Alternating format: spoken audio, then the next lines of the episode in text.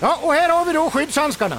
Varför finns det så många modeller att välja mellan? Ja, du vet, Tegera Pro ska ju passa exakt för varje jobb och därför finns det så många olika. Och glöm inte att rätt skyddshandske gör halva jobbet. Okej, då tar jag två. Tegera Pro, skyddshandskar för yrkesproffs. Just nu får du extra hjälp att välja i butik. Det är måndag och vi drar igång ett nytt avsnitt av podden Sanny och Svensson och vi har kommit till 14 avsnitt, eller ja, en eh, siffra jag förknippar med en eh, riktig profil här i Skåne, Micke Gart. Oj, Micke Gat ja. ja. Men då får vi väl fortsätta i hårdingarnas tema då. Robert Karlsson i Södertälje, det är ju en eh, tuffing som också spelar i Malmö. Och min personliga favorit, Mattias Nota Nordström. Jag fick chansen att spela med honom eh, och hade honom lite som idol när jag var yngre. Ja, och kanske lite grann från den tiden. De har säkert spelat något VM eller World Cup eller liknande ihop. Eh, Jonas Höglund, en eh, profil i Färjestad som visste var målet fanns. Definitivt. Fredrik Stillman, tröjan i taket i eh, i Kinnarps arena och Stigge Salming. Han var liksom före min tid. Men Harald Lyckner, som en trogen lyssnare av den här podden sa, nämner du inte Harald Lyckner, då eller nämner du inte Stigge Salming, då slutar jag lyssna. Ja, äh, men om, för att vi inte ska tappa lyssnare i Göteborg också så tar jag en spelare som hänger i taket där, i Patrik Kahnbäck. Äh, där har vi en riktig höjdare i Göteborg.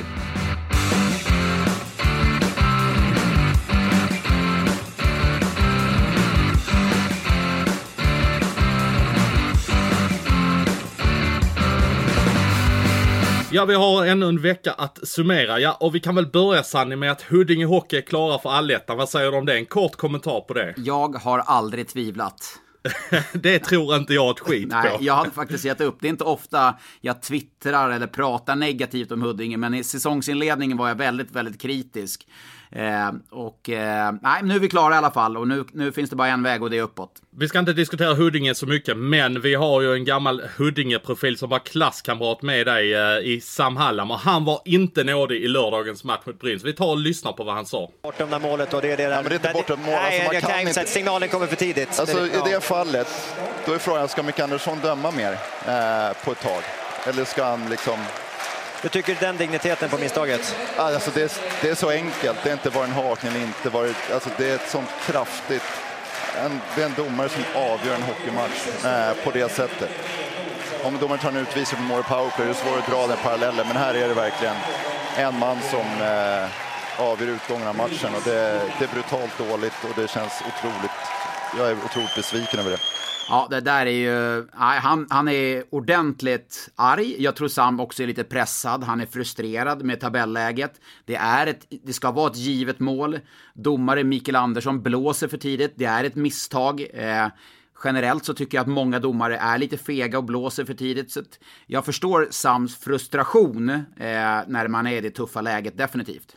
Ja, jag förstår givetvis också det och det är väl klart att han ska få lov att bli förbannad på en sån grej för det, det sabbar ju verkligen. Det är två poäng Växjö tappar mot en direkt konkurrent runt det strecket som förmodligen kommer vara ett lag de får tampas med där hela säsongen. Så det är klart han ska bli förbannad, men jag tycker inte Hänga ut så. att Nej, men hänga ut så och det här med att hålla på och ska han stängas av och sådär. Det, det köper inte jag att, eh, att man ska göra det för, en, eh, för att någon gör ett misstag på det sättet. Visst, det är ett ganska stort misstag men det kommer inte hjälpa ett skit att stänga av folk. Jag tror inte han menar det heller kanske innerst inne. Nej, men jag förstår att Sam är frustrerad. Man hade kunnat avsluta bra, väldigt bra och lägga på ytterligare en seger. Eh, men det här är ju frukten av att man har inlett säsongen så svagt. Eh, hade Sam och hans Växjö haft 20 poäng till i tabellen så tror jag inte han hade reagerat kanske lika starkt. Men jag förstår att han är frustrerad. Men samtidigt, det är ett enormt grovt misstag av domaren. Eh, alla, det är alla eniga i. Och det blir ju väldigt märkbart när domare gör ett sånt misstag.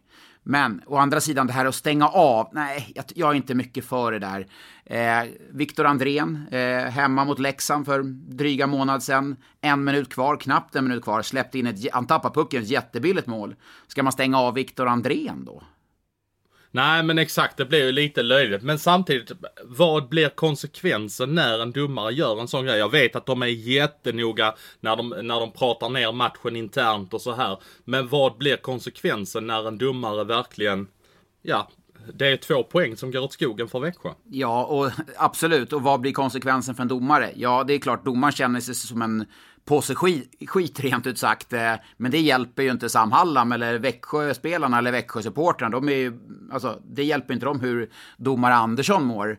Men det är väl någonstans, ja, de får ta, dra tillbaka, lära sig av sina misstag på samma sätt som jag fick göra när jag snubblade runt och gjorde någon felpass eller en målvakt släppte in något billigt mål. Men det är klart, jag förstår det blir kostsamt, men eh, ja, och Sam är frustrerad eh, efter den här tuffa inledningen. Men just när det gäller Mikael Andersson så frågan är om han kanske är rent av är målvakternas absolut bästa vän. För han är ruggigt flitig på dels att eh, när eh, spelare bara närmar sig målgården så är han väldigt snabb att blåsa av och så nu det här. Så att jag tror målvakterna uppskattar en domare som Micke Andersson. Ja, men, eh, ja, precis. Men det är också en aspekt här. Och nu är SHL eh, jättebra och pratar om att de har dragit ner eh, hjärnskakningen på målvakter med 70 procent och det är till följd av det här att man inte får vara i målgården och klubborna där. Absolut, det är jättebra. Men nu har man gett målvakterna alla möjliga tänkbara fördelar, att man inte får vara i målgården, då behöver man som domare inte blåsa så snabbt. Då kan man känna sig trygg med att okej, okay, jag kan hänga på signalen lite, jag behöver inte blåsa så snabbt eftersom vi har sett till att målvakterna är skyddade den här säsongen. Det, det men, ett, men, men, har de inte diskuterat det här tidigare? Jag tycker jag känner igen den här diskussionen. Jag, för mig var det självklart. Ja men det är en ongoing. Det, det här är ju, jag tror jag har suttit i simors studion i sju år nu. Jag vet inte hur många gånger Petter Rönnqvist har diskuterat det här. Och faktum är att det är faktiskt andra gången det händer HV70, eller händer eh, Växjö den här säsongen. Det hände mot HV71 också på bortaplan. Eh, ställning 0-0. Eh, så jag, alltså då, med det i åtanke så kan man ju förstå att det är eh, att Sam blir frustrerad. Och i den här positionen som domaren står i, Micke Andersson, då borde han kunna göra vara lugnare i eh, sin bedömning. Jag ska bara ta upp lite snabbt här också. Det är, vi har fått på vår mailkorg, Sanny Svensson, eh, snabel Expressen. Där är det Perra från Gävle som undrar. Kan en tränare hålla på och vräka ur sig vad som helst? Eller gick han över gränsen? Jag tror att Sam och eh, SHL eller eh, Johan Hemlin på sportchef på SHL de definitivt har diskuterat det här eh, efteråt. För att det finns ett eh, kanske inte gentlemen's agreement, men man vill nog hålla saker internt. Man vill inte att de här sakerna ska läcka ut. Eh, media på något sätt älskar när det här sker, men jag tror att SHL gärna vill hålla det tight, lite som man gör i NHL där, att man är väldigt, väldigt strikt på det här med kritik mot domare och är det en spelare eller ledare som, som kritiserar en domare så blir det ganska stränga böter. Så det är någonting jag tror mig att SHL gärna vill eftersträva. Ja, men det är väl ganska lämpligt att, uh, att man vill ha det så. För att det blir ju väldigt mycket fokus och så blir en dummare väldigt uttänkt mer än vad de någonsin har blivit. Så för det här eldas på i sociala medier och allting. Ja, så är det ju. Men du, när vi startade den här podden, drömde du om att sitta och prata om domare då? Jag kommer ihåg när vi, när vi drog igång det här, du sa så här, nej men vi ska inte prata om domare hela tiden. Nu är vi här, vi har hamnat in i det här. Det, det är ju det som är snackisarna. Ja, ja, men absolut så är det. Men okej, vi skiter det nu. Vi tar och diskuterar något helt annat då. Vi tar och diskuterar HV71. Powerplay. HV71. Ja, powerplay då. Eftersom det ändå handlar om det, eh, domarna. Ja, men HV71 är ju ett, eh, vann ju i lördags med vad blev det? 4-2 till slut va? Eh, ledde, ja exakt, 4 de hämtar väl ikapp lite där Frölunda ja. Och jag måste säga, jag är ett HV, ett lag som eh, jag inte blir riktigt klok på egentligen. Eh, det har ju potential att kunna klättra ytterligare lite i tabellen, definitivt. 5 mot 5-spelet ser jättebra ut. Man har spelare som, fler och fler som kommer igång. Backspelet med de här skickliga backarna tycker jag man får fart bakifrån. Men powerplay, ja det är märkligt att man kan vara så pass svag med den uppsättningen i powerplay. Ja, men är det så bra uppsättning då? Jag tycker ändå att det, det ska kunna finnas ingredienser i det där powerplay-spelet som, som borde kunna vara framgångsrika. Jag tänker att du har ändå en Alexander Bergström, du har en Camara, du har en Önerud. Alltså det är Backa, Kinnvall, jag menar öste in mål i fjol i Timrå, Erik Martinsson. Det, det finns Nils Andersson, det finns ju en, en, de namn jag räknar upp, det är ju uppsida. Ja, ja, definitivt. Och då, då har du inte nämnt till exempel en veteran som Martin Törnberg som har varit erkänt bra i powerplay genom alla år, som kanske inte är riktigt lika bra längre. Men det är klart att där finns spelare. Linus Fröberg ska ju vara en sån som skulle ta offensiva kliv i HV71 till exempel. Där måste ju också finnas en bra uppsida. Definitivt. Och tittar man på då den här uh, Sportlogic som vi har förmånen på Simor och kunna logga in på och titta statistik så finns det ju tittar man per 60 spelade minuter i powerplay då, så eh, man bara kollar statistik, så är man eh, bara Leksand och Linköping är sämre än vad HV71 är på att bära in pucken under kontroll i anfallszon. Och ser man med de spelarna har så, liksom, det är det som största problemet som jag tycker. För att kunna ha ett för, framgångsrikt powerplay så kan du bära in pucken under kontroll och sätta upp ett spel. De som är bäst på det, det är Frölunda. Och de har också bäst powerplay. Så att jag menar, med de skickliga spelarna så börjar redan i uppspelsfasen. Och det finns många andra eh, eh, statistiska nycklar som man kan lyfta fram, eh, bortsett från bara de eh, fem, dryga 15-16 procent som man har i powerplay.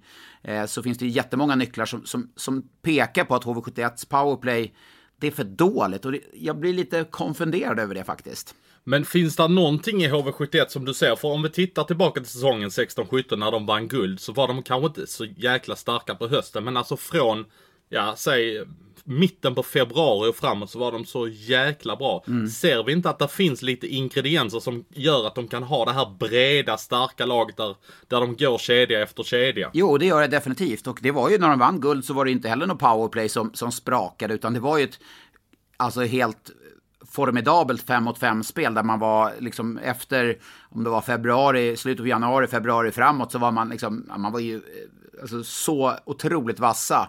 Eh, men eh, powerplay-spelet var inte så bra som, som, ett guld, som ett guldlag, utan det var 5 mot 5-spelet. Ser man på slutspelet i fjol när man åkte ut mot Färjestad, eh, då var det enda anledningen att man åkte ut i, i sjunde avgörande matchen mot Färjestad, det var för att man inte hade powerplay över hela den matchserien. Eh, och då var det ändå, gick man ut och pratade i somras om att Johan Hult sa det att eh, vi värvar spelare för att stärka upp i powerplay. Vi har värvat de här spelartyperna för att bli, bli bättre powerplay. Det har ju nästan blivit tvärtom.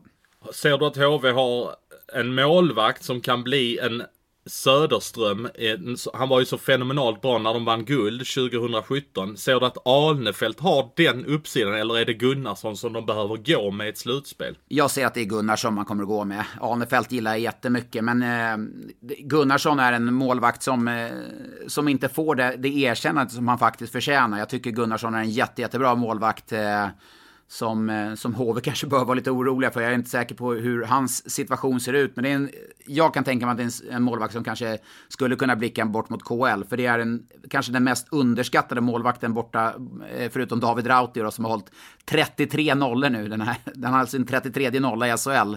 Gick upp på samma no, antal nollor som Stefan Liv och bara Fredrik Norren och Hadelö framför sig. Kände att David Rauti är uppe med de namnen. Jag är glad att du säger Rautio, inte Rautio. Det är, många, det är många som har en förmåga att döpa honom till Rautio. Ja, men det, är, det är samma folk som, säger, eh, som inte kan säga Rögle. Det förstår jag inte heller. Nej, exakt. Och typ sådana som du som inte kan säga Simon Depré. Nej, just det. Ja, det fick vi på nöten, men nej. Ja, men du, du säger ju fortfarande fel. Du säger ju Simon Depré. Han heter Simon Depré. Är det så? Ja, du får lyssna på det där klippet som Lindberg har lagt upp igen. Hello, my name is Simon Depré. My name is Simon Depré. Ja, så säger man alltså hans namn, men vi ska prata någonting helt annat än en kanadensare i Oskarshamn nu. Vi ska prata JVM tänkte jag faktiskt. Eh, men brinner det... du för det? Brinner du för JVM? Nej, men jag tycker ändå det är, alltså nu brinner jag kanske inte, men jag känner ju som, det blir liksom en folklig grej eh, under jul och nyår. Det har blivit det och det, det tog väl egentligen fart här under den här turneringen i eh, Tjeckien var det va? 2007 ja. eller 2008. Var det inte då eh, när... Berglund, K Berglund och Patrik... Och P. Berg... Precis. P. Berglund. Kristoffer Berglund och Patrik Berglund, född 88, eh, gick, de gick och tog silver va? Det var ju helt, helt otroligt. Ja men precis och, och, den stora grejen, det som gjorde att det blev folkligt var väl nästan när de slog Kanada i gruppspelet. Mm. Kommer du ihåg vem som gjorde avgörande målet mot, eh, mot Kanada där? De, eller kvittera eller avgörande målet, jag minns inte riktigt. Var det Thomas Larsson rent av? Eller var det inte, var det inte Forsberg, Tobias Forsberg? Kan det vara så? Ja, ja lyssnar, ja, alla det... lyssnare, ni får jättegärna komma med här och eh, hjälpa oss där. Men eh, Thomas Larsson var ju, han, eh, Skellefteå och sen Malmö Thomas Larsson, han var ju riktigt vass den turneringen. Ja, jag minns det också. Men sen, eh, det var väl som, någonstans som att han nådde sin topp på karriären där och då. Han pikade. Han pikade. Tänk när han sitter och lyssnar på den här podden och så tänker han, just det, JVM, då var jag kung. Precis, men en som inte kom med som har Skellefteå som eh, klubb, men han spelar Södertälje nu, är ju Adam Wilsby. Och jag tycker han är för jäkla bra i Hockeyallsvenskan med Södertälje just nu. Ja, jättebra. Vil vilken, vilken smart värvning. Eller smart av Skellefteå kanske. Smart av Wilsby och, och hans agenter eller, och Södertälje. Alla inblandade. Få ta ett steg ner och få vara jäkligt bra i en miljö där jag tror att han mår, mår bra också. Ja men precis, de hade ju lite backkris där Södertälje så han har ju fått spela hur mycket som helst och spela i alla spelformer och, och det har gett honom utveckling helt uppenbart för han är ju verkligen en ledande back. Han producerar poäng, hans skridskoåkning är fullständigt magnifik. Det är oerhört trevligt att titta på honom när han åker skridskor. Men det är ganska läckert där Skellefteå som man tycker har stått och stampat lite här med sin juniorutveckling. Eh, så har fått in lite unga spelare nu och har ju fyra spelare tror jag det var med i JVM-truppen, eh, vilket är bara det i sig är väldigt starkt. Eh, man har Wilsby där och vi pratar ju om Andersson där i, eh, som är Vita Hästen också. Det känns ju som att man har lite spelare man skulle kunna plocka hem till nästa säsong. Ja men precis, Wilsby tillhör ju Skellefteå mm. nästa säsong. Linus Andersson där i Vita Hästen som fortsätter att göra en massa mål. Han tillhör ju inte Skellefteå så han lär ju vara lite högvilt på marknaden tror jag. Det är en billig spelare som vet var målet finns. Så jag kollade upp honom lite grann faktiskt nu efteråt också. Oerhört bra på, jobbar hårt också. Det här är, det är inte bara en spelare som står och skjuter in mål utan han jobbar hårt åt alla håll och kanter på banan. Ja, men det är bra. Det är bra betyg när man får dem. Men man hänger fast lite vid JVM. Den stora snackisen var ju att inte Viktor Söderström kom inte med. Han var alltså inte en av fem backar som blev uttagna. Eh, vilket för mig tyder på att de är ganska säkra på att få, få loss Adam Bokvist och Rasmus Sandin. Eh, men Viktor eh, pratade med Aftonbladet och vår eh, kollega får vi väl ändå kalla honom. Eller säger du konkurrent om Hans Abrahamsson? Ja, men jag säger kollega. Han gör ett bra jobb. Ja, det är bra. Ja, men han, med en intervju direkt efter så var han väldigt besviken där, Viktor Söderström. Och det, han, spontant var det, han inte kanske var så sugen på att ställa upp om, eh, om man skulle bli inkallad som reserv. Och det här är ju inte, om Wilsby fortsätter spela så här så känns ju det som det klockrena alternativet i så fall. Ja men precis, jag, jag tänker, det tänkte jag faktiskt ta upp med dig, att vilka, vilka är då som ligger närmst om vi räknar med att de inte kommer med, vilket vi kanske ska göra, men om de inte kommer med, vad det, att de inte blir släppta där borta i NHL, är det Wilsby och eh, och Söderström. För jag tror ju att får han frågan så kommer han väl säkert eh, hänga på ändå. Det är inte så att han tackar nej. Nej, nej, det vore ju jätte, det vore jättekonstigt om man skulle tacka nej. Min spontana känsla, men Alltså, om man liksom lyfter in namn där så skulle man kunna tänka att Filip Johansson i Leksand skulle kunna vara ett, ett sånt namn. Eh, också högerskytt. Eh, istället för Bokvist då kanske, även om Bokvist är såklart en, en mycket, mycket, bättre back. Men det är eh, Wilsby som jag känner är den som man ska lyfta in i, i eh, det givna valet. Eh, och Söderström, Wilsby skulle jag vilja se där, om nu inte Bokvist och Sandin skulle komma loss. En spelare som eh, jag, jag, inte tror är nära, men som jag blev oerhört imponerad av i eh, lördags när jag såg Malmö möta Linköping är ju eh, Krois eh, grabb där. Andreas Krois grabb som är back i eh, Linköping. Heter han William Kroy? William, William, William Vorge Kroy. Exakt. Ja, jag tycker han är fenomenalt bra. Alltså han använder sin kropp på ett riktigt bra sätt. Man kan ju också säga att det är Williams Kroy där, eh, han, det är också en anledning att Adam Ginning då, JVM-back, blev utlånad till Vita Hästen för att Kroy var så pass bra. Han ser ju lång och gänglig men rätt placerad och rätt elak också, rätt eh, fysisk spelare. Så att det, ja, men han, eh, han gillar jag. Han tycker jag har varit bra den här säsongen i, eh, i Linköping. Ja, och han satte ju in en eh, klockren propp i mitt tycke eh, på Emil Sylvegård och det gillar ju inte Sylvegård alls. Så att då fick han faktiskt lite grann Emil Sylvegård ur balans där i matchen. Och ja, jag tyckte det var lite uppfriskande att se att han verkligen gick emot Emil Sylvegård och tog för sig och inte bara var en blyg junior. Men vi håller oss kvar lite där. Höll du vaken hela den matchen eller Malmö mot Linköping i lördags? Ja, Malmö-Linköping har ju en förmåga att vara riktiga sömnpiller. Du var ju på plats också och såg eh, matchen här i höstas då. Ja. Du vet, var då vi såg den tråkigaste sudden deafen vi någonsin Just har sett. Men, det, den, den. men denna som vi såg i Malmö Arena i lördags var nog snäppet värre. Ja, det var drygt 5000 var i Malmö Arena. Ja, exakt. Eh, det får man väl ändå beteckna som att det är rätt dött eh, i den stora fina arenan. Absolut. En hockey som inte inbringade någonting. Nej, alltså eh, jag förstår, alltså jag har så svårt att förstå folk som säger nej men jag, jag kommer inte om de inte spelar bättre. Men alltså betala entrépengar För för, den det matchen. där. Alltså för det där som bjöds upp. Jag har, jag har ta mig fan all respekt för de som struntar i att betala, lägga upp flera hundra kronor på en lördagkväll för att se det där. För det där var, det var inte roligt. Nej, men det var nog, vi, vi var i studion då, så vi sitter ju och kollar på flera matcher och, och det, man håller koll på olika matcher och jag fick förmånen att hålla koll lite på Malmö-Linköping. Alltså det var, ja, herregud, det var, det var låg, låg eh, nivå. Det är nästan så att det var någon eh, eh tyckare här på, när vi ställde frågan här på Twitter som sa att blir det 0-0 då borde lo- båda lagen få 0 poäng. Och det, jag börjar med, när man ser den matchen så känns, känns det nästan att, att poäng hade varit rättvist att dela ut där ja, det är faktiskt en ganska rolig synpunkt. Eh, det går ju naturligtvis kanske inte att genomföra i realiteten, men ändå, det finns ju en poäng i det. Men vi eh, fortsätter, eh, håller oss kvar lite i JVM, det är lite roligare än Malmö-Linköping.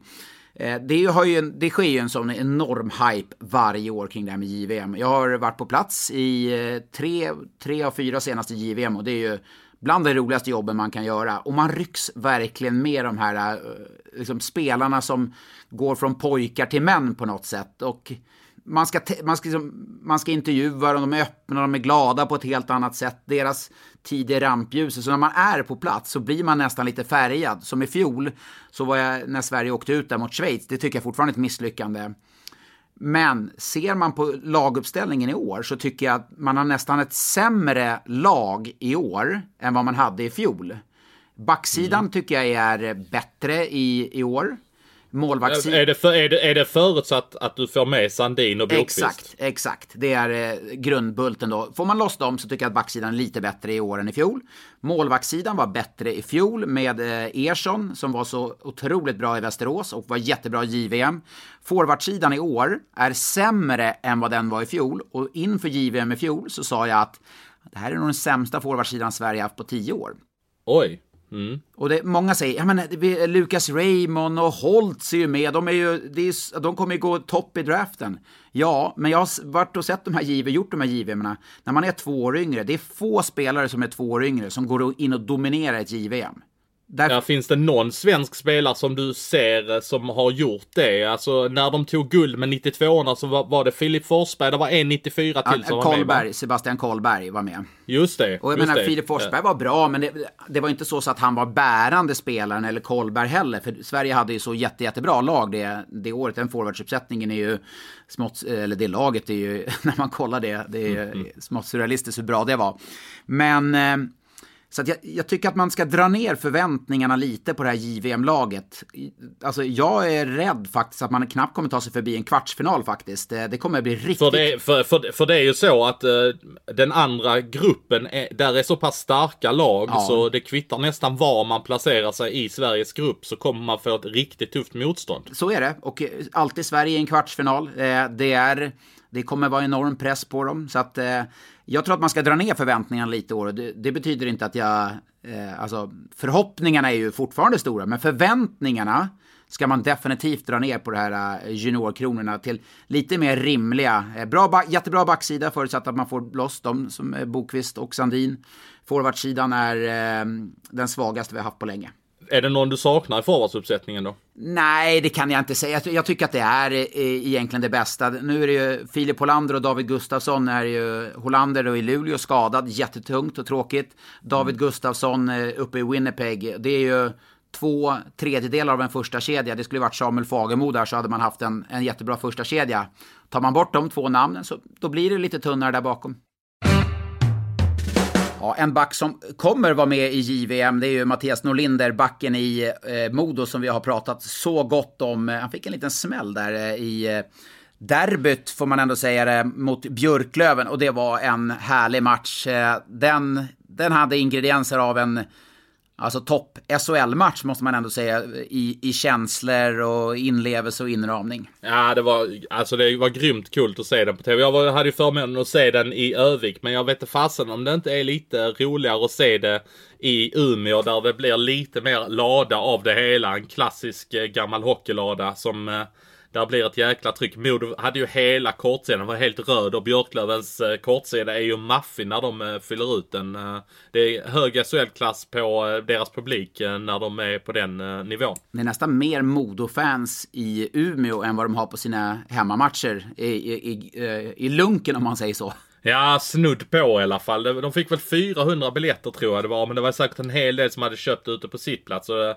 där finns ju säkert matcher i Fjällräven Center där det har varit riktigt lite folk också. Ja, men vilken, vilken härlig match det är. Och, och Björklöven har vi ju, alltså, det känns ju som ett, alltså vilket lagbygge de håller på att bygga ihop där. Nu är det Olle Liss in också, även om eh, Liss är väl kanske, är han en one hit wonder eller är han på riktigt? Nej men i hockeyallsvenskan så är han ju lite mer än en one hit wonder kan jag tycka. Där eh, han levererade ändå starkt i Västervik. Han levererade starkt i Panton. Så att det... Han På är en nivån. målskytt av rang. Ja, ja, definitivt. Han är... Och tänk dig att om han får spela typ med Fredrik Weigel. Weigel går ju bara och letar passningar hela tiden. Ja, men det, det, det måste väl vara mm, just ändamålet att man värvar eh, Liss, det är väl för att han ska spela med Weigel tänker jag. Ja men exakt, jag, jag, jag tänkte det också. Jag, eh, jag satt faktiskt och filade lite på hur kommer Björklöven ställa upp i sitt powerplay nu. såklart. Ja. ja men alltså jag menar de har ju ändå... alltså, oavsett om vi hade haft den här podden eller inte så hade du suttit och filat på det ändå. Ja men man är ju lite nördig sådär. Lite, lite. Jag sitter och filar lite på powerplay här i, i eh, Västerviks powerplay, andra uppställningen här. ja, på tal om det. De förlängde med Viktor Öhman, eh, den stora playmakern där som gjorde eh, fyra mål mot Modo. Det är ju helt sjukt att han går och gör fyra mål mot Modo. Men det är en annan sak. Men vill du höra Björklövens powerplay eller är det för nördigt? Nej, det, är- ingenting är för nördigt. Hockey, det är liksom, nej, ös på. Ja, nej men vi kör. Jag tänkte så här om vi... Jag, jag tänker att jänkarna ska få spela tillsammans. Om man tänker att eh, man spelar Hutchins och Crandall och eh, Wessel tillsammans med eh, Fredan Andersson och eh, Dalert får stå som point där då. Och sen eh, har vi en, eh, en andra då med Olle Liss och eh, Sebastian Selin och naturligtvis Weigel. Ja. Och så kryddar jag, kryddar jag upp det även med en spelare som jag gillar skarpt, Pontus Andreasson. Ja, det, han har Eh. pratat gott om. Ja, men det är många som pratar gott om honom och han har lite finess i sig och eh, har tagit det där klivet och var nere och vände i division 1 och Har du också valt att bli egen? Då är det viktigt att skaffa en bra företagsförsäkring. Hos oss är alla småföretag stora och inga frågor för små. Swedeas företagsförsäkring är anpassad för mindre företag och täcker även sånt som din hemförsäkring inte täcker. Gå in på swedea.se företag och jämför själv.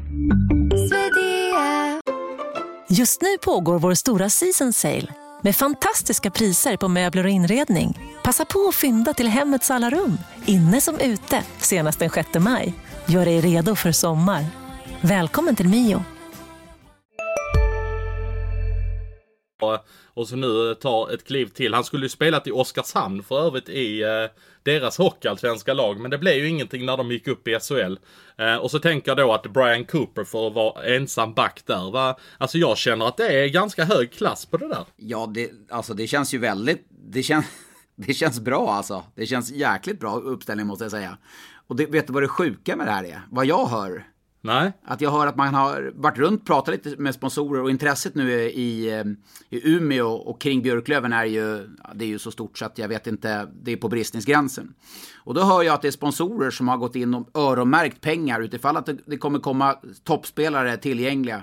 Så hör jag att de har öronmärkt eh, miljonbelopp jag har mellan 6 och 10 miljoner. Får ta det lite för vad det är, men det tyder ändå på att det finns, kommer att finnas ekonomiska möjligheter att förstärka längre fram på säsongen. Och då, då, vad jag hör också är det toppspelare man jagar. Alltså topp, toppspelare. Det lustiga med det här är att jag var i Skellefteå för en vecka sedan och det, man hör lite sur där också. Även, och de, jag vet att det är många kanske gillar, kanske inte att det går så bra för Björklöven. De drog någon Hata Löven-ramsa på Malmö-matchen där. Men eh, jag hörde faktiskt lite grann samma vibbar som du eh, har hört här också. Att det finns duktiga resurser utöver den budgeten Per Kente har fått från början. Som var relativt hög på hockeyallsvensk nivå. Där han kan lasta in. Och det ser vi ju nu också. De har ju lastat in Weigel, Olle Liss. De har tagit in Wessel också och eh, vad säger man? Palmqvist va? Palmqvist. Du får kolla på Lars Lindbergs eh, Twitter där. Jag, jag, jag reserverar mig för att uttala namn känner jag nu. Det, man, det biter en i rumpan direkt. Ja, Ja, men måste det vara. Ja. Ja, men det är klart det är Palmqvist. Men eh, Nej men de, eh, de, jag hör exakt samma signaler som du så att det, det finns eh, nog resurser för ännu mer men samtidigt någonstans så finns det väl en gräns var, var, hur mycket kan man plocka in Exakt. egentligen nu? Och hur sent kan man vänta när man har ett fungerande system som, som fungerar? Hur, vad gör det för nytta kontra vad det kan skada? För det är alltid så, plockar du in en, en eh, spelare så är det någon annan som måste ut på andra sidan bänken. Och vad gör det för lagsammanhållning? Vad gör det för gruppen? Den här som man har byggt ihop egentligen sen, sen maj när man började sommarträna tillsammans. Så att det får man ha respekt för. Men det ska också förtydligas att det ska inte vara på något sätt att man äventyrar någon ekonomi för att värva spelare, utan det är pengar som, som sponsorer har öronmärkt för att Björklöven ska kunna ta steget upp. Nu sa du något intressant där. Nu måste kanske spelare försvinna på andra hållet. Jag tror att Emil Lundberg snart är väck från Björklöven på grund av detta faktiskt. Ja, det känns väl som en, en spelare som skulle kunna göra nytta i andra klubbar, eh, definitivt. SSK kanske? Ja, varför inte? De eh, är ju ganska aktiva på marknaden. August Berg gick ju dit här tidigare, eller förra veckan, så att eh, det är nog inte omöjligt där, definitivt inte. Nej, där har de ju lyft in. De har ju gjort det som, eh, som vi inte gillar att Mora gjorde när de eh, bytte tränare. Då tog de in en massa spelare utifrån, men Södertälje har ju faktiskt gjort exakt samma sak och det är ju ännu fler spelare man verkligen har lyft in i laget. Men där har det ju skett en förändring också på organisatoriskt med Mikael Samuelsson som har kommit in och, och velat gjort förändringar också känt behovet att, eh, att, att det måste göras. Så att, eh, men en, några som inte gör förändringar om vi pratar powerplay det är ju Karlskoga va? Det är bara, bara gasa på där. Jajamän, och det är ju helt stört vad de äh, vräker in mål. Jag satt och kollade på detta här nu. Har du, alltså, har du gjort har... någon uppställning i powerplay också eller? Nej, det, det, det, klar, det, det, klarar de så bra själv så att det...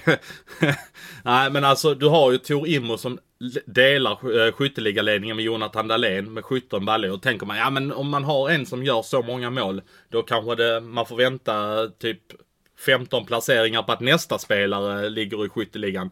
Men nej, då har du Fredrik Forsberg som också har gjort lika många mål. Eh, förlåt, sa jag 17 på Tor och Dahlén så menar jag 16. Och sen har du Filip Ahl som har gjort 15 och där bakom har Jesper Kokkonen gjort 14. Han ska ju spela SHL nästa säsong. Ja. Har du sagt. Ja, det, det lär han göra. Det, det lär förmodligen Fredrik Forsberg göra också. Och Kanske Filip Ahl också, även om um, det finns frågetecken för hans uh, speed och fart i benen. Men uh, Eh, alltså det är ju vilken offensiv de har. Det är ju eh, sanslöst som de har byggt. Och det skulle vara kul att se uträkning, eh, poäng per betald krona i lön alltså i, i Hockeyallsvenskan. Jag tror inte att eh, Karlskoga är ett lag, inte den, på den övre halvan, kanske inte ens mer nedre halvan i löneligan. Ja, övre nedre halvan kanske man skulle kunna säga då och utveckla. Övre, nedre halvan. Ja, alltså inte absolut bland de lägsta, men kanske 8-9 någonting då. Mm. Ja, de har fått ut rätt mycket från den där truppen och det, det kommer ju bli, alltså, skulle de inte ta steget upp i år så kommer det där laget bli sönderplockat på samma sätt som det blev när Karl Persson, Viktor Ejdsell och Henrik Larsson och allt vad de hette där härjade för några säsonger sedan. Ja men precis och en spelare jag hör eh, utöver alla de här offensiva spetsarna som också har ganska mycket offensiv i sig som äntligen har tagit steget är ju eh, Wilhelm Westlund. Jag hör att det är fler SHL-klubbar som har deklarerat intresse för honom redan nu. Han leder ju faktiskt eh, till och med backarnas poängliga i hela Hockeyallsvenskan. Lite i skymundan ändå måste man säga. Vad roligt faktiskt. Eh, Wilhelm kom ju till, eh, som junior till Färjestad och kom upp också. V vänta, ska du, ska, ska du stå och ta på dig det här nu? Nej, nej, precis som du har nej, gjort med... med jag, jag, skulle med... Kunna, jag skulle kunna ta på mig för att jag blev skadad eh, i samband med att han kom upp. Så att eh, när min skada eh, öppnade plats för honom. Men jag har inte rört, eh, lagt mina händer på honom eller förstört eller gett honom någonting i karriären. Absolut inte. Men han kom i alla fall upp som en, som en, ung och blyg spelare och eh, tog inte för sig på något sätt. Men man, man såg ändå att liksom, någonstans där bakom den blygheten så fanns det en potential och talang. Men det har tagit många år via Ja, Vita Hästen var väl i Djurgården också. Han har liksom mm. varit runt en del och när han värvades Karlskoga så, så var väl min känsla att aha, han landar in där och ja, det är väl nästa eh, ett eller två års sejour, sen går han vidare någon annanstans i Hockeyallsvenskan. Ja men precis, det, man har ju liksom på något sätt tappat hoppet för honom. Jag minns ju när de här 95orna, när, när de var uppe. Är han 95 eller 94 så jag inte säger fel? 95 Ja men exakt. jag minns när de, eh, när han var uppe där och man talade väldigt gott om honom. Han var uppe och spelade ganska tidigt med, eh, med 93 och 92 år kanske till och med. Eh, att man pratar väldigt varmt om honom. Så att, men det har inte hänt någonting förrän nu då. Ja, men det, ibland, det tar lite olika lång tid för olika spelare och det handlar ju om att bekvä bli bekväm och hitta sin roll. Och hans roll var ju ändå som junior och ung spelare och som en offensiv eh, bra tvåvägsback. Men det har väl mer handlat om en defensiv, ganska enkelspårigt, enkelspelande back. Men det har han definitivt ändrat den här säsongen. Eh, jag satt och kollade en liten annan nördig grej just på Karlskoga. Om, om, man räknar, om man räknar bort alla deras powerplaymål, de är inte bara bra i powerplay. Räknar man bort alla deras powerplaymål så är det ändå det laget som gjort fjärde mest mål i Hockeyallsvenskan, vilket är helt otroligt egentligen. Ja, och flyttar man bara några mil eh, eh, från eh, Karlskoga så har man ju Färjestad och det är också ett lag som, som öser på rätt bra just nu eh, offensivt sett. Ja, verkligen. De, eh, de, har, de har ju flera spelare som har gått över eh, den där gränsen på att göra tvåsiffrigt i målkolumnen nu också till och med. Eh, en sån som Per Åslund har ju verkligen lyft den här säsongen. Han var ju skadad stora delar förra säsongen och han ser ju riktigt fin ut just nu. Ja, helt otroligt. Jag och Per, han bor ju, jag bor ju i Karlstad och såklart Per Åslund spelar i Färjestad. Jag eh, fick en hjärnskakning i slutet av oktober i fjol. Eh, var borta länge. Eh, gjorde comeback i match 7 mot Djurgården i semifinalen. Men jag och Per pratade, vi åt lunch i tror, januari eller februari någon gång. Och min känsla då, eh, som själv har varit tvungen att sluta på grund av hjärnskakningen. När jag lämnade den lunchen så kände jag att oj, han kommer nog aldrig spela hockey igen. Men jag vill, jag vill inte säga det till honom, för det är någonting man måste landa i själv. Eh, men han har ju varit, gjort massa undersökningar och eh, det fanns ingenting de hittade som man kunde göra eller justera eller någonting eller, ja, kring den här hjärnskakningen, utan det var bara att ge det tid. Och det sen eh, kom tillbaka till match sju där och helt mirakulöst att kunna träna hela sommaren. Och att, att, han har kommit upp på den här nivån, det är kanske den största snackisen, eller den största överraskningen för mig i den här säsongen. Bortsett från att Örebro har varit så bra faktiskt. Det är inte bara Per Åslund som uh, har kommit igång offensivt. Du har ju även en sån som Victor Edsell. Uh, jag sa till honom faktiskt när jag träffade honom. Nej, men ska, uh, ska du ta åt dig äran nu? Nej, nej, nej, nej, nej, nej, nej. Nej, det ska jag inte. Jag har inte kritiserat honom eller någonting sånt så att, det är något, så att han lyfter på det sättet. nej, men faktum är att jag sa till honom lite grann att han håller på med samma sak som Joakim Nygård. Han gör mål i STIM.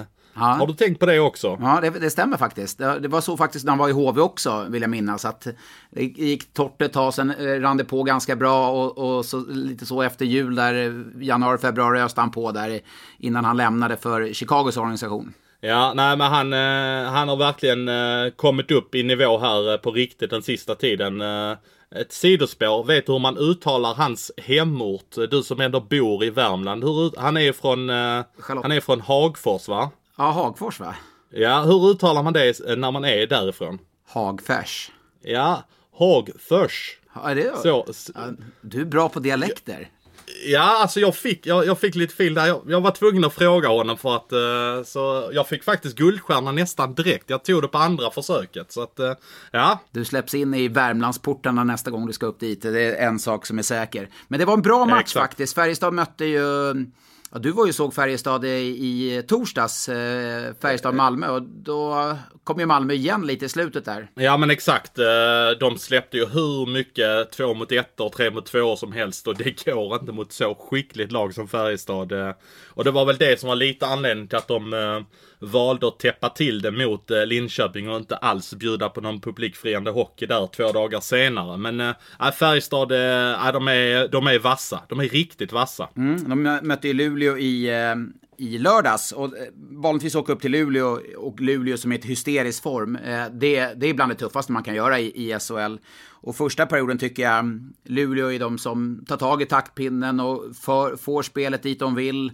Färjestad, de stänger mittzon ganska bra. Det känns som att Johan Penneborn var och Färjestads ledarteam hade en rätt tydlig taktik. Det var att hålla ner siffrorna i första perioden. Det var väl ganska det de var ute ifrån. Och landa in med underläge 1-0 tror de var rätt nöjda med. Sen i andra och tredje perioden tycker jag de bara växlar upp mer och mer och mer. Och de får liksom Luleå lite in i, i Färjestads sätt att spela hockey, lite mer böljande fram och tillbaka. Och när man spelar Färjestads sätt att spela hockey, då finns det inga som spelar bättre. Eh, Blev det kanske en liten eh, följd av hur Luleås vecka har varit? Jag menar, de har varit nere och spelat i Schweiz i tisdags. Eh, flög till Oslo, bila, eller inte bila, de bussade väl ner till Jönköping.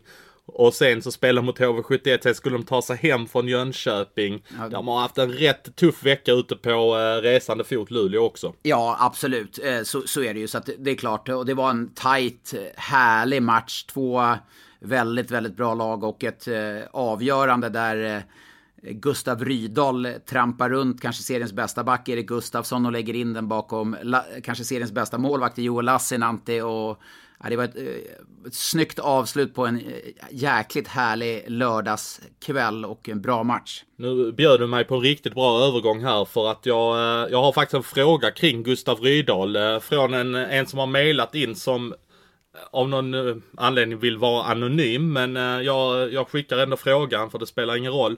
Eh, kan vi peka ut konkret vad det är som gör att Gustav Rydahl har blivit så bra i Färjestad när han har varit så svag i andra klubbar som Frölunda, Växjö, Luleå. Färjestad, jag menar Färjestad är ett topplag. Det är inte så att han går till en skitklubb direkt. Eh, två eh, saker, mognad eh, och eh, Johan Pennerborn. Eh, Johan Penneborn eh, tror jag hade eller kände Gustav Rydahl som ung, Jag är lite osäker på det. Men han, han, han kände i alla fall till Gustav Rydahl väl. Och när eh, Färjestad värvade tillbaka Gustav Rydahl där från Luleå mitt under säsongen så kom han in och spelade egentligen som han gjorde i Luleå och Frölunda och Växjö där han åker och jagar tjuvsmällar och ja, ska vara en fysiskt jobbig, lite Emil Sylvegård typ spelare. Men då sa, pratade Johan Penneborn med honom under sommaren och sa varför åker du bara runt och tacklar? Jag vet ju att du kan spela pucken. Jag vet ju att du kan hålla i den. Jag har ju sett det förut. Varför har du kommit ifrån det helt? Och någonstans där har Gustav själv, eh, när jag pratade med honom, sagt att där började jag känna, oj, okej, jag kan det här liksom. Jag, de vill att jag ska spela med pucken. Och det är såklart att man går inte bara ut från en dag till en annan efter att ha eh, åkt runt i SHL i, i fyra, fem säsonger och bara tacklas. Utan det, det var ju en process som han har eh, bearbetat här under ett och ett halvt års tid som bara, det blir bättre och bättre från, från match till match. Jag tycker han är en toppspelare i serien nu, Gustav Rydahl. Och, och pratar man Karlskoga betald poäng per, eller investerad krona per poäng så tror jag nog kanske att Gustav Rydahl har varit en av de mest prisvärda för Färjestads del kontrakten i SHL. Det, det törs jag nog eh, gå så långt faktiskt. Ja, jag tror det var så faktiskt. Färjestad skrev väl ett ganska långt kontrakt med honom. Ganska tidigt såg de det här och gav honom ett långt kontrakt. Så jag tror eh, Färjestad sitter på lite trumf där som du är inne på. Ja, definitivt gör de. Och eh, nej, men Rydahl har varit jättebra. Det ska bli kul att se honom också nu till Kronor. Och eh, även om man kommer få en mer defensiv roll och lite mer tillbaka till det här kanske checking line som han, eh, som han tidigare var. Han var inte känd för någonting, han var ganska anonym. Men det han tidigare gjorde i alla fall, eh, det tror jag han kommer få göra i landslaget. Men kan addera det också med lite mera pucktrygghet och, och lugn så kommer det bli intressant att se honom i eh, turneringen här i Ryssland.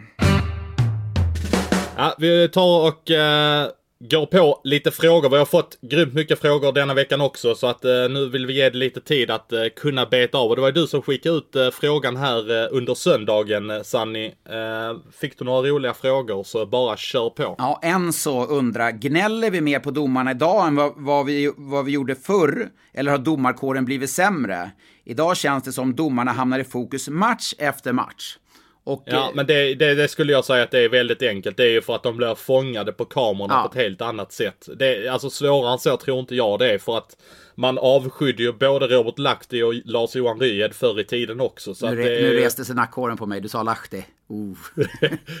Var han ingen favorit hos dig? Ja, nej, nej, han gillade inte mig kan jag säga. Jag visste att jag hade ett par billiga utvisningar varje gång. Eh, faktiskt. Jag, jag var ju inställsam hos domarna och det funkade på de flesta, men inte på Lahti kan jag säga. Han, han, han avskydde mig och det var ganska ömsesidigt faktiskt. Ja, men då synar han ju ditt fulspel egentligen. Ja, det gjorde han kanske. Han, kanske, ja, han, var, han var kanske bättre eller smartare än Kuben och Sjöberg och Lärking och, och Rönnmark och allt vad de hette på min tid. Ja. Eh, Liam Johansson undrar, Dominik Furch, är han den bästa målvakten i SHL?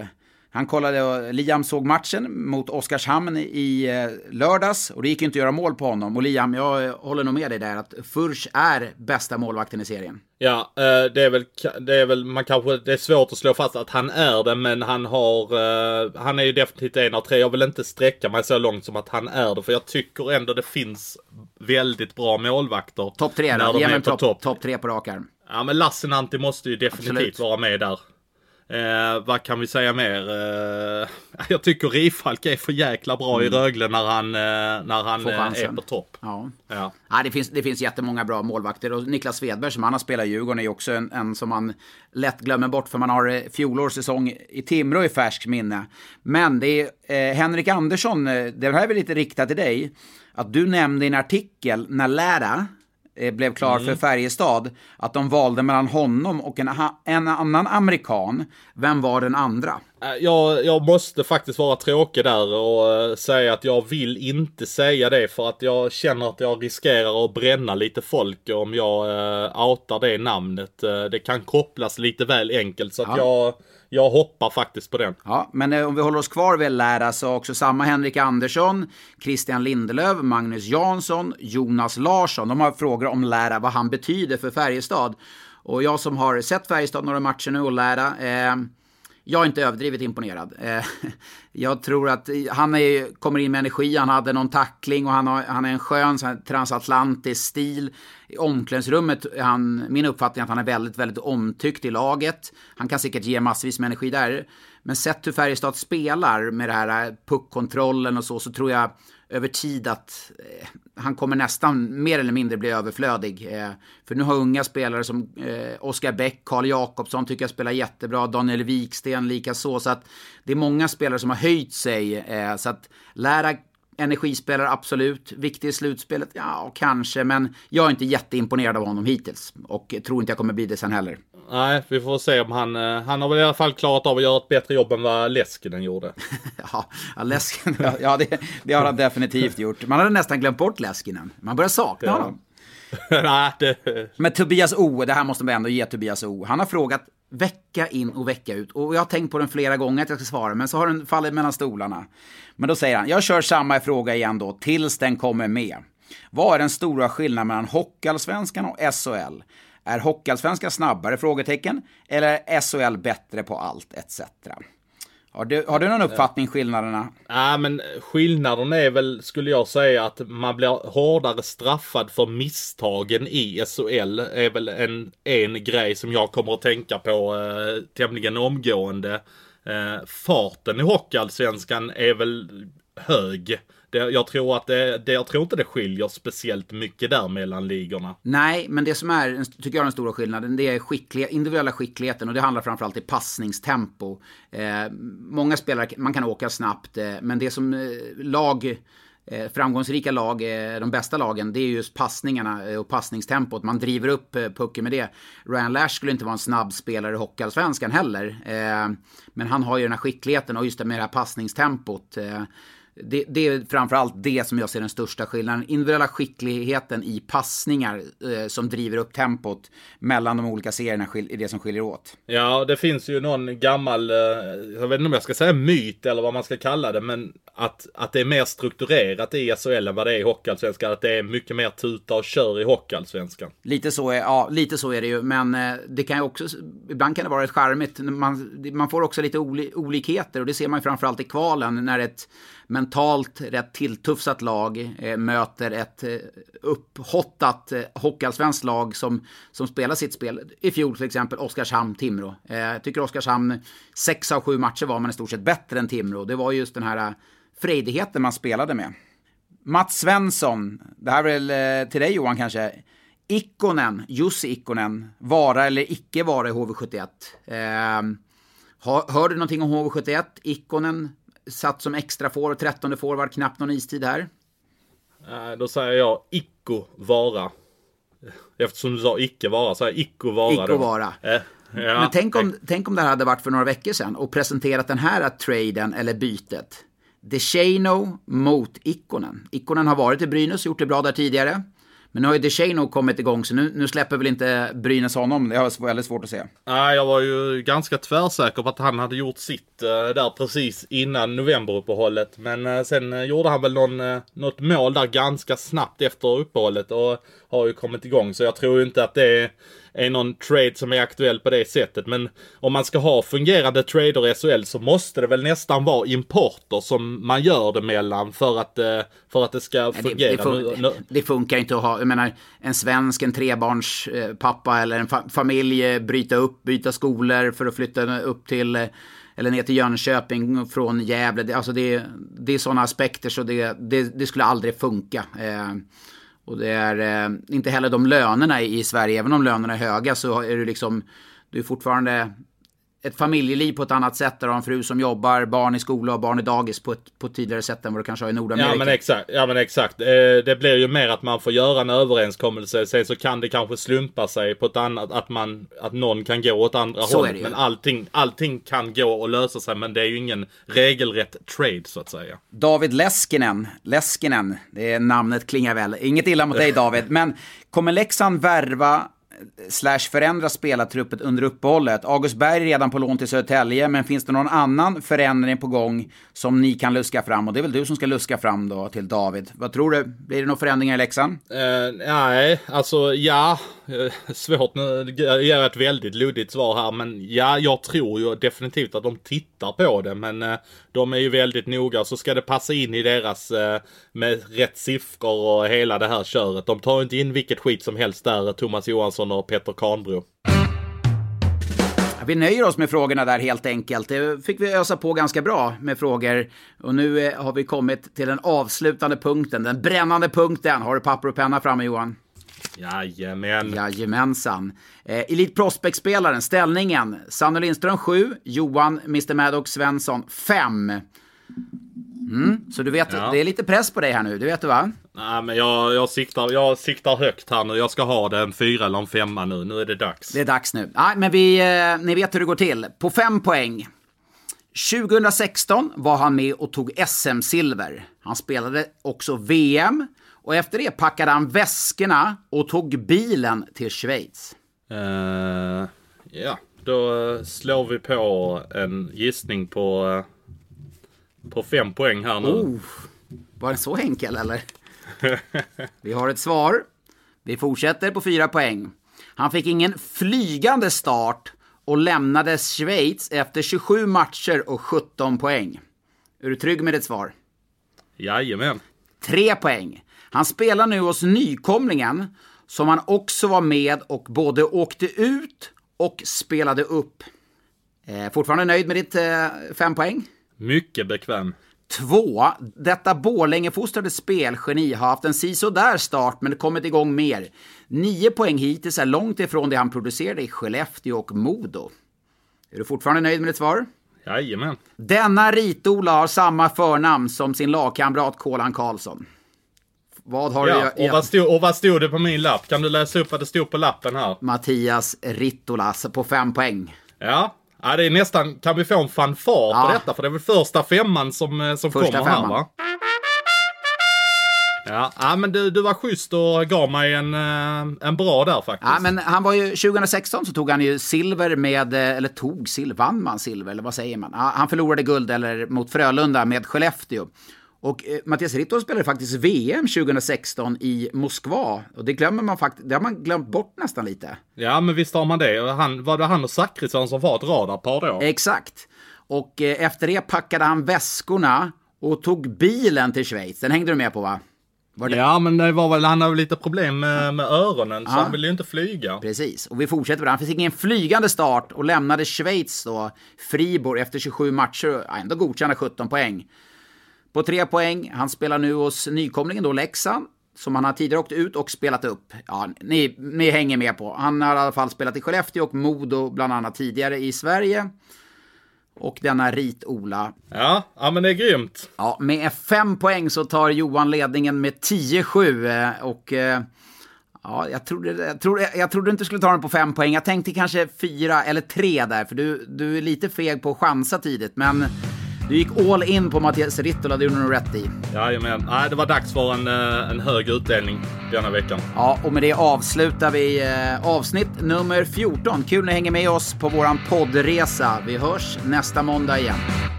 Du har lyssnat på en podcast från Expressen. Ansvarig utgivare är Klas Granström. Hej, Synoptik här. Visste du att solens UV-strålar kan vara skadliga och åldra dina ögon i förtid? Kom in till oss så hjälper vi dig att hitta rätt solglasögon som skyddar dina ögon. Välkommen till Synoptik. Upptäck hyllade XPeng G9 och P7 hos Bilia. Våra produktspecialister hjälper dig att hitta rätt modell för just dig. Boka din provkörning på bilia.se xpeng redan idag. Välkommen till Bilia, din specialist på X-peng.